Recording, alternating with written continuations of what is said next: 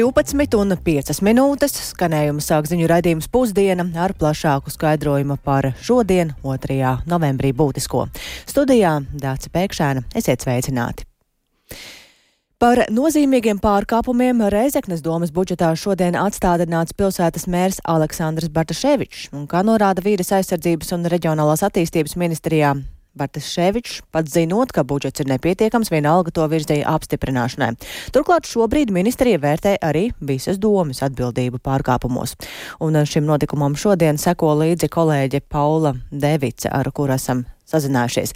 Sveika, Paula! Par pārkāpumiem Reizeknas domē, domē esam runājuši diezgan daudz arī savās programmās, bet atgādina vēlreiz tos būtiskākos pārkāpumus. Jā, sveika, Dāci, labdien arī klausītāji. Tātad šie pārkāpumi pamatā ir saistīti pēc ministras Bērziņas vārdiem ar bezatbildīgu Reizeknas mēra Aleksandra Bartaševiča rīcību un tie pārsvarā saistām ar tieši ar pilsētas budžetu, kur šobrīd ir kritiskā situācijā. Viņš tā tad ir ap, apzināti nenodrošinājis šī gada budžetā visa nepieciešamā finansējuma iekļaušanu, un principā šis te iekļautais budžets pietiek vien 11 mēnešiem. Uh, Reizeknas domas finanšu pārvalda arī informējusi ministri, ka, bērz, uh, ka mērs ir zinājis par to, ka naudas nepietiks, taču domas sēdē deputātiem to nav atklājis. Tāpat pagājušajā gadā gadā Bartaševičs ir vienpersoniski parakstījis līga, līgumu par būvdarbu turpināšanu vairāku miljonu vērtībā bēdīgi slavenā Reizeknas spā centra izveidei, un jau ziņots, ka šo dārgo centru pašvaldība pati saviem spēkiem tātad pabeigt nevar, un arī investors un nomnieks šim projektam atrast neizdodas, un vairāku tātad bezatbildīgu lēmumu rezultātā pašvaldība ir ievest finanšu krīzē. Un, lai to risinātu, vēl arī tika pieņemts lēmums atlaist 60 pašvaldības darbinieku, kā rezultātā, piemēram, sociālo darbinieku skaits, kurš Reizeknē jau tā nav bijis pietiekams uz iedzīvotāju skaitu, kļuva vēl mazāks. Paklausīsimies, kas par šo sakāms pašvaldību ministrei Ingai Bērziņai no jaunās vienotības. Kopumā šī mēra darbība ir um, bezatbildīga. Es domāju, tā ir arī nihilistiska attieksme kopumā pret publisko finansējumu, jo pašvaldība nerīkojas ar uh, savu personīgo naudu, bet ar uh, publisko finansējumu, kas ir visu nodokļu maksātāju iemaksas, uh, ne tikai to personu, kuras varbūt šajā brīdī pārstāv domi, Līdz ar to manā ieskatā šāda mēra rīcība nav pieņemama, nav pieļaujama tiesiskā valstī. Tādēļ arī ir šis mans lēmums par Rezeknas mēra atstādināšanu. Pašvaldība jau rīkojas ar nodokļu maksātāju naudu, nevis ar savu personīgo. Līdz ar to tā ir jābūt atbildīga atbilstoši likumam. Šajā brīdī Rezeknē mēs to nesaskatām, un vispirmām kārtām tā ir Rezeknas mēra atbildība. Jā, es vēl piebildīšu, ka visu plānoto izdevumu sekšanai pašvaldībā šogad pietrūkst te 4 miljonu eiro. Dace? Paula saka, kas tad tagad notiek tālāk? Kad mēs uzzināsim, vai par notikušo būs jāuzņemas atbildība arī visai domē, ne tikai mēram? Jā, tātad Bartaševičs būs atlaists no brīža, kad ministrs rīkojumu publicēs Latvijas vēstnesī. Tas visticamāk notiks kuru katru brīdi pavisam drīz, un no tā, starp citu, ir arī atkarīgs, vai Bartaševičs varēs vadīt šodienas domas sēdi, kas sāksies trijos pēcpusdienā. Un, jā, tad līdz jauna mēra iecelšanai viņa pienākums pildīs viņa vietnieks Aleksais Stets no partijas saskaņa. Jāpiebilst, ka šobrīd domē tātad strādā valsts kontrole un vērtē arī domas atbildību, un kā informēja ministra Bērziņa, situācija esot daudz sarežģītāka nekā gaidīts, un informāciju pašlaik iegūt ir samērā grūti, bet valsts kontrolas starpziņojums varētu būt gaidāms jau decembra otrajā pusē, bet gala ziņojums nākamajā gadā. Un līdz ar to, lai ministrija varētu vērtēt šo domas atbildību, tiks sagaidīts valsts kontrolas atzinums un tālāk arī par to, vai tad doma atlaist, ja atzinums būs negatīvs, tad tās, tas lēmums būs jāpieņem saimai. Un vēl es atgādināšu, ka šis arī nav pirmais gadījums, kad pašvaldība ministrs pieņem lēmumu atlaist mēru. Nesenākais bija 2021. gadā, kad Arturs Toms Plešs no attīstībai par atstādināja Ikšķils mēru par vienpersonisku lēmumu pieņemšanu un arī nelikumīgu rīcību ar pašvaldības mantu. Savukārt tāds droši vien jau visiem vairāk zināms gadījums ir, kad vēl gadu iepriekš Juris Pūts no tās pašas partijas atstādināja Rīgas mēru Nilu Ušakovu un vēlāk saima atlaida arī Rīgas domi. Dace. Paldies šajā brīdī Paulai Devicai. Tad, ja mēs runājam par Rēzekni, tad tas, ko uzsver ministrija par Reizeknas mēru runājot, bezatbildīga rīcība, un vēl arī sekos izvērtējums par um, pašu domes uh, atbildību, bet kā notiekošo uztver pašā Reizeknē. Te, lai to noskaidrot, esam sazinājušies ar mūsu Latgales studijas kolēģi Ivetu Čigāni. Sveika, Iveta! Saki, kā tad uz savu atstādināšanu ir reaģējis pats Bartaševičs? Uh, labdien! Uh, Jā, mēs šodien sazinājāmies ar no amata atstādinātu Aleksandru Bartaševiču no partijas kopā Latvijai, un plašākus komentārus viņš nesniedza, bet atzina, ka varam lēmumu pārsūdzēs. Un tieši tagad pašvaldībā viņš ir uzrīkojis preses konferenci, un par, tā, par to, kas tur tika runāts, mēs, protams, pastāstīsim nedaudz vēlāk. Bet Rezeknes ielās uzrunātie cilvēki atzīst, ka uh, Ministri, ka ministrijas lēmums viņus nav pārsteidzis, taču dažiem tomēr ir bijusi cerība, ka situācija izdosies atrisināt bez atstādināšanās. Uh, varbūt paklausīsimies, ko šodien pēc vara ministres Ingas Vērziņas pieņemtā lēmuma par Bartaševiča atstādināšanu saka Rēzaknieši. Es tiešām to vēl eh, pirmo reizi no jums dzirdu. Dzīve rādīs, es domāju. Jo cik gadījumi ir bijuši, kad eh, nomaina un tie, kuri solījuši daudz ko, kad eh, nāk pie varas, nekas tik būtiski nemainās. Diemžēl tā mums ir. Nu, ja nedomā par parādiem, protams, superīgi. Jā, izskatās fantastiski pilsēta, sakopta un nu, nu, tiešām viss tiek, tiek būvēts. Un, bet, nu, kad sāk iedziļināties un par tiem parādiem, tad, protams, nu, matis stāvs. Es teikšu, ka tas ir slikti. Esmu par to, lai viņš paliktu. Patīk viņa lēmumu. Nu, laikam vēl kaut kas neklapē. Noteikti neklapē kaut kas. Nu, citādi jau, nu, kāpēc cilvēks? Nu, nu, tagad jau gan mainās viss vienas dienas jautājums un nav cilvēka. Viss, viss sev iet no galvas. Nu, protams, kaut kur kāda paviršība neliela vai kas. Noteikti tie visi, kas viņa valdībā strādāja, viņa vadībā, tāpat tās uzsāksies kaut kāda tāda, nu, Saprotiet paši, kā tas viss mainās Kas iet līdzi, kas ir pretī visādi. Tur tas nav labi. Protams, ka nav labi. Уже nu немає. Ļoti slikti.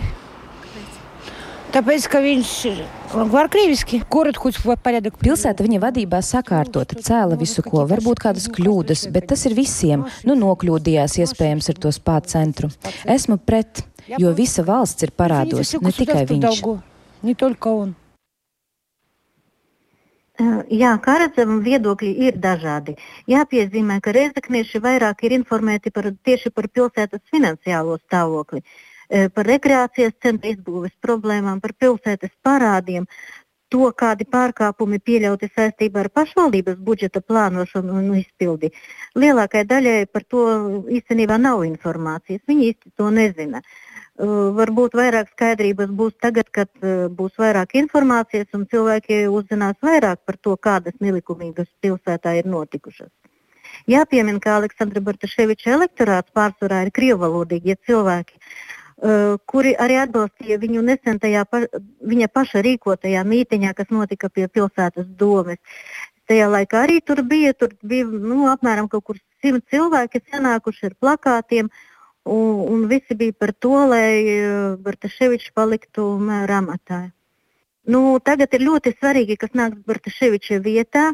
Protams, eh, to ir grūti prognozēt. Uzrunātie rezeknieši citus kandidātus pagaidām neredz.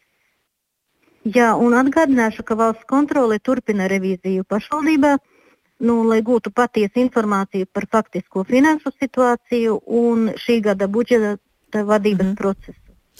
Paldies Ivetai Čigānei. Tas tātad no Rēzeknes, kā dzirdējām, tad Rēzekniešu šāds ministrijas lēmums nepārsteidz par Rēzeknes mēra atstādināšanu, bet pats Bartaševičs ir solījis ministrijas lēmumu pārsūdzēt. Un šis noteikti arī būs viens no debatiem, kam sekosim līdzi raidījumā pēcpusdiena. Bet saspringta gaisotne vēl kādā citā notikumā šodien ar svilpieniem un gaismas pils dziedāšanu, prasot algu celšanu, šodien ir sākusies dziesmu un deju svētku izvērtēšana novērošanas konferenci. Lai gan atskats uz vasaras notikumiem oficiālajā scenārijā bija paredzams, paredzēts pavisam citā noskaņā, notiekošais liecina, ka aiz emocionālā un arī svētku sajūta piepildītā notikuma vasarā stāv milzum daudz neatrisinātu jautājumu. Un kas īsti un kāpēc notika, to ir gatava pastāstīt šobrīd kolēģe Agnija Lazdeņa, kura pati atrodas konferencē uz vietas un ir pievienosies mums tiešraidēs. Sveika, Agnija, un izstāsta, kas tad īsti šorīt notika? Labdien! Jā, tad, tad pašu šo svētku kon konferenci atklāja kultūras ministra Agnese Logina no progresīvajiem, un uzreiz pēc ministras uzrunas noslēgšanas ministri pārtvēra virsdiriģents Mārtiņš Klišāns, norādot, ka citādāk, diezin vai šodien viņam būs iespēja tik tieši uzrunāt ministri, tāpēc viņš viņai uzdeva jautājumu, vai nākamā gada budžetā prioritātēs ir iekļauts dziesmu uh, ikdienas procesam nepieciešamais finansējums finansējums, un, diemžēl, ministre skaidru atbildi nedeva, vien minēja, ka turpināsies pie tā darbs. Un auditorija ar šo atbildi nebija mierā, un cilvēki ar skaļām avācijām pauda savu neapmierinātību ar ministres atbildi, pēc kā visi zālē esošie dalībnieki uzreiz piecēlās kājās, un visi kā viens sāka dziedāt Jāzepa Vītola gaismas pili savukārt gan diriģents Ints Tetrauskis, gan arī Mārtiņš Klišāns no zāles izgāja ārā. Un man bija iespēja ar abiem diriģentiem aprunāties, un kā norāda Klišāns, dziesma ir kā pēdējā cerības vēsts, un paklausīsimies viņa teikto. Jo ir skaisti atcerēties svētkus, kas bija šajā vasarā, un ir ļoti skaisti analizēt to, cik daudz kas ir paveikts un cik skaisti bija svētki. Bet uh, mūsu uzdevums jau ir domāt par nākotni. Un nākotnes sakarā Un dziesmu svētku ilgstvējas sakarā šis satraukums ir nu, sakāpis liekas, līdz robežai, kad tā kritiskā masa ir sasniegta un kad jomas profesionāļi vairs ilgāk gaidīt nevar. Jo manuprāt, ka svētki ir apdraudēti un šis jautājums ir steidzamības kārtā jārisina. Ir jāsaprot valstī, vai šie svētki ir vajadzīgi vai nav.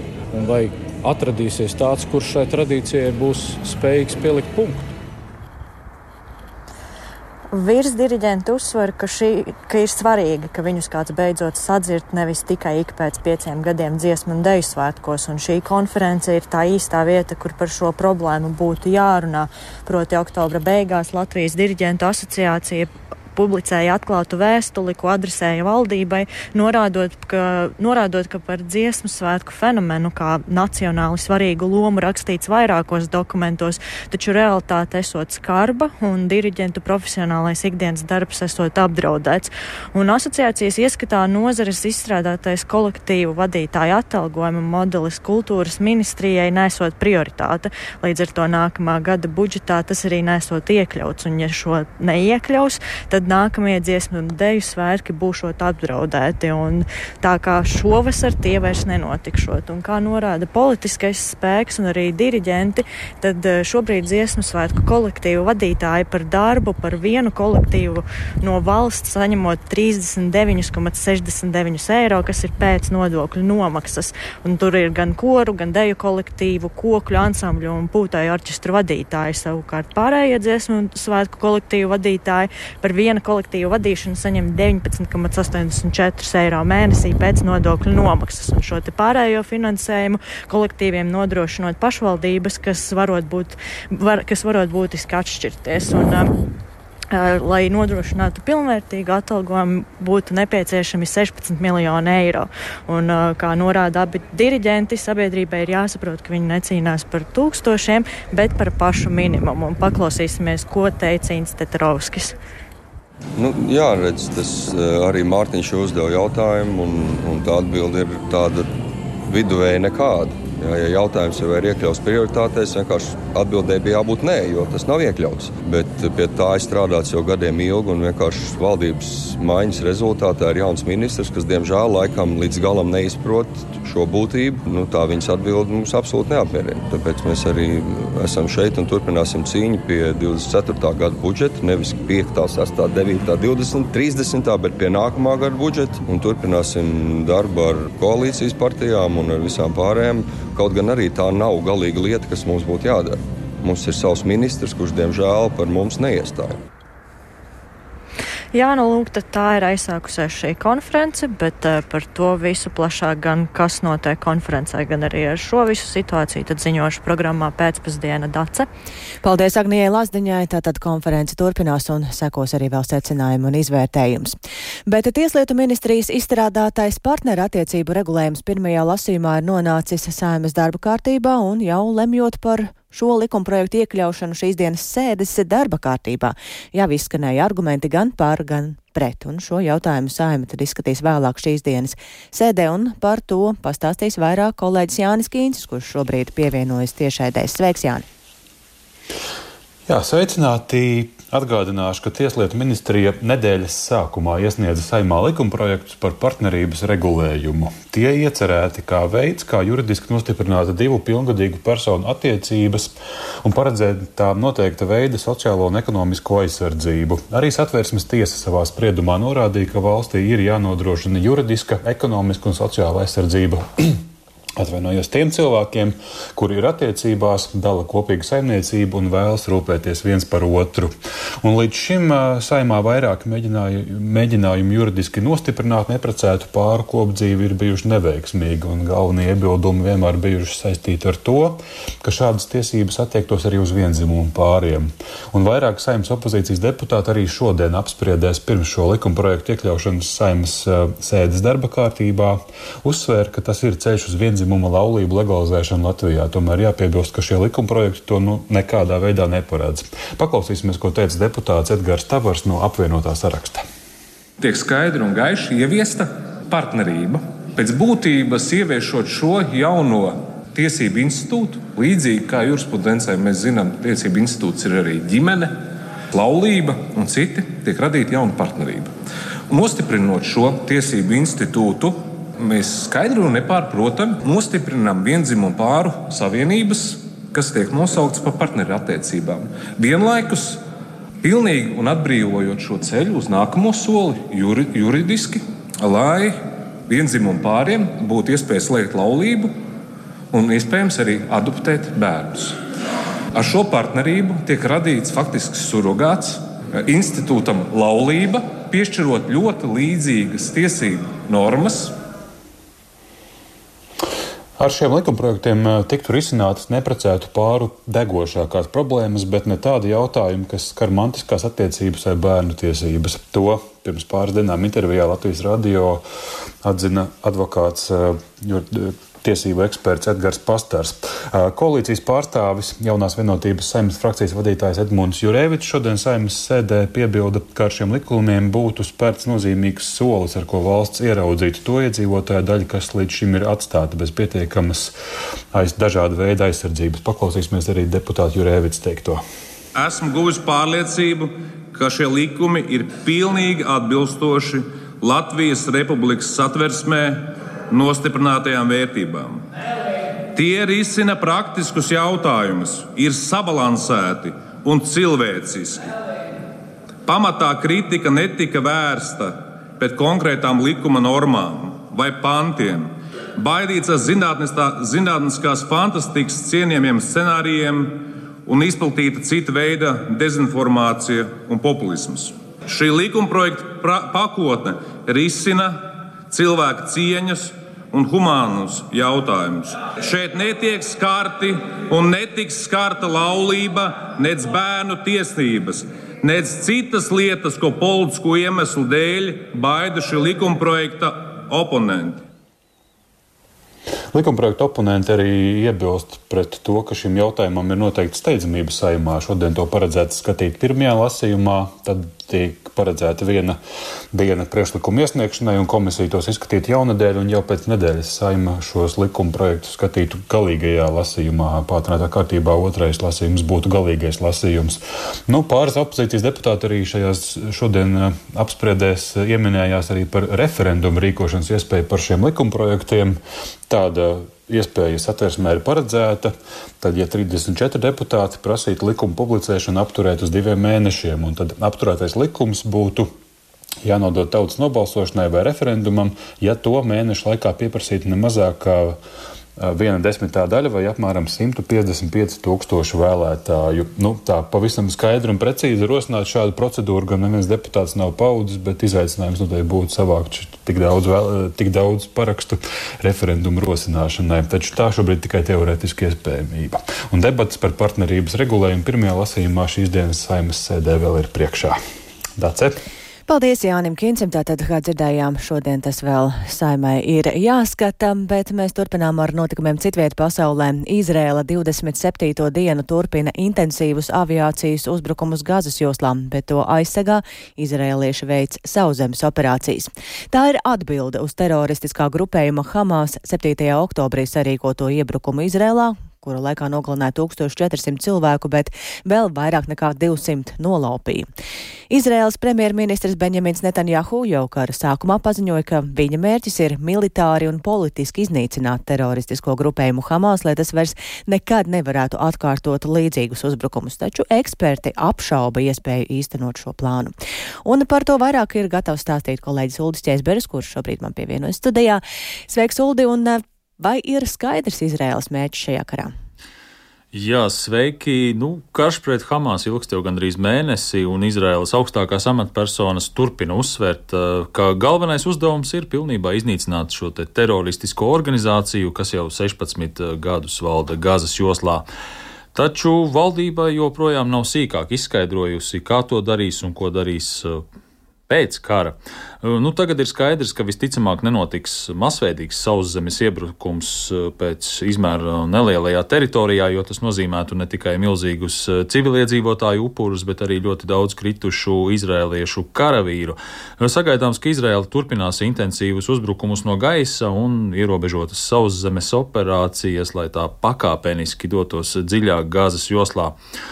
Un, jā, nu, nav arī skaidrs, ko Izraela darīs pēc tam, kad tā būs atbrīvojusi Gazas joslu no Hamas, ja tas vispār notiks. Vai Izraela okupēs Gazu, vai tiks izraudzīti jauni vadītāji no vietējiem politiķiem.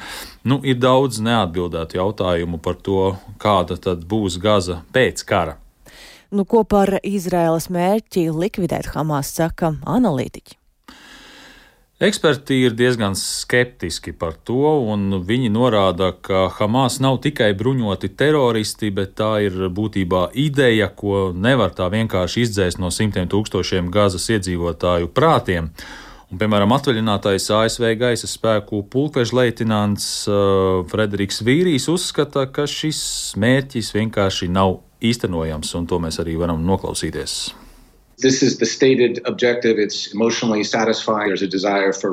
Tāds ir izvirzītais mērķis. Tas sniedz emocionālu gandarījumu, ir vēlme atriepties.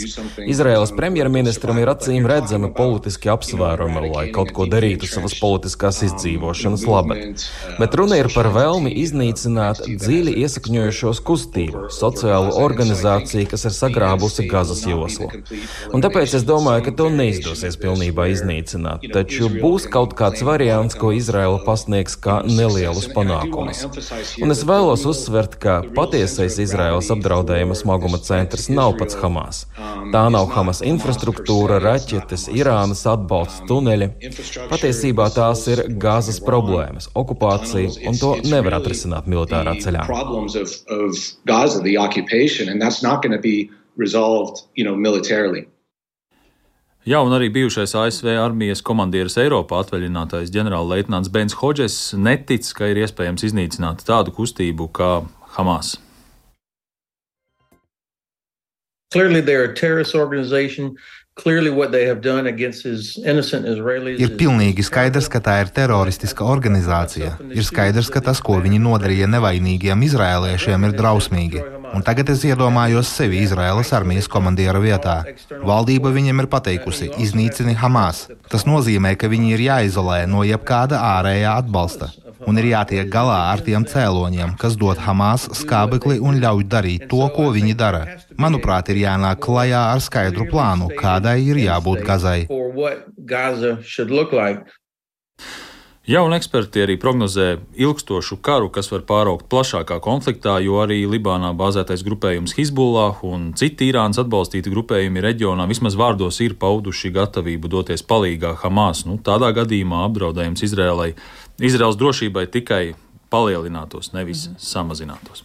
Paldies Uldim Čēzberim par šo skaidrojumu, un ar to tad arī izskan raidījums pusdiena, ko producēja Ilze Agīnta, ierakstus montēja Kaspars Groskops, par labskaņu rūpējās Ernests Valds Fjodorovs, un ar jums sarunājās Dāca Pēkšēna.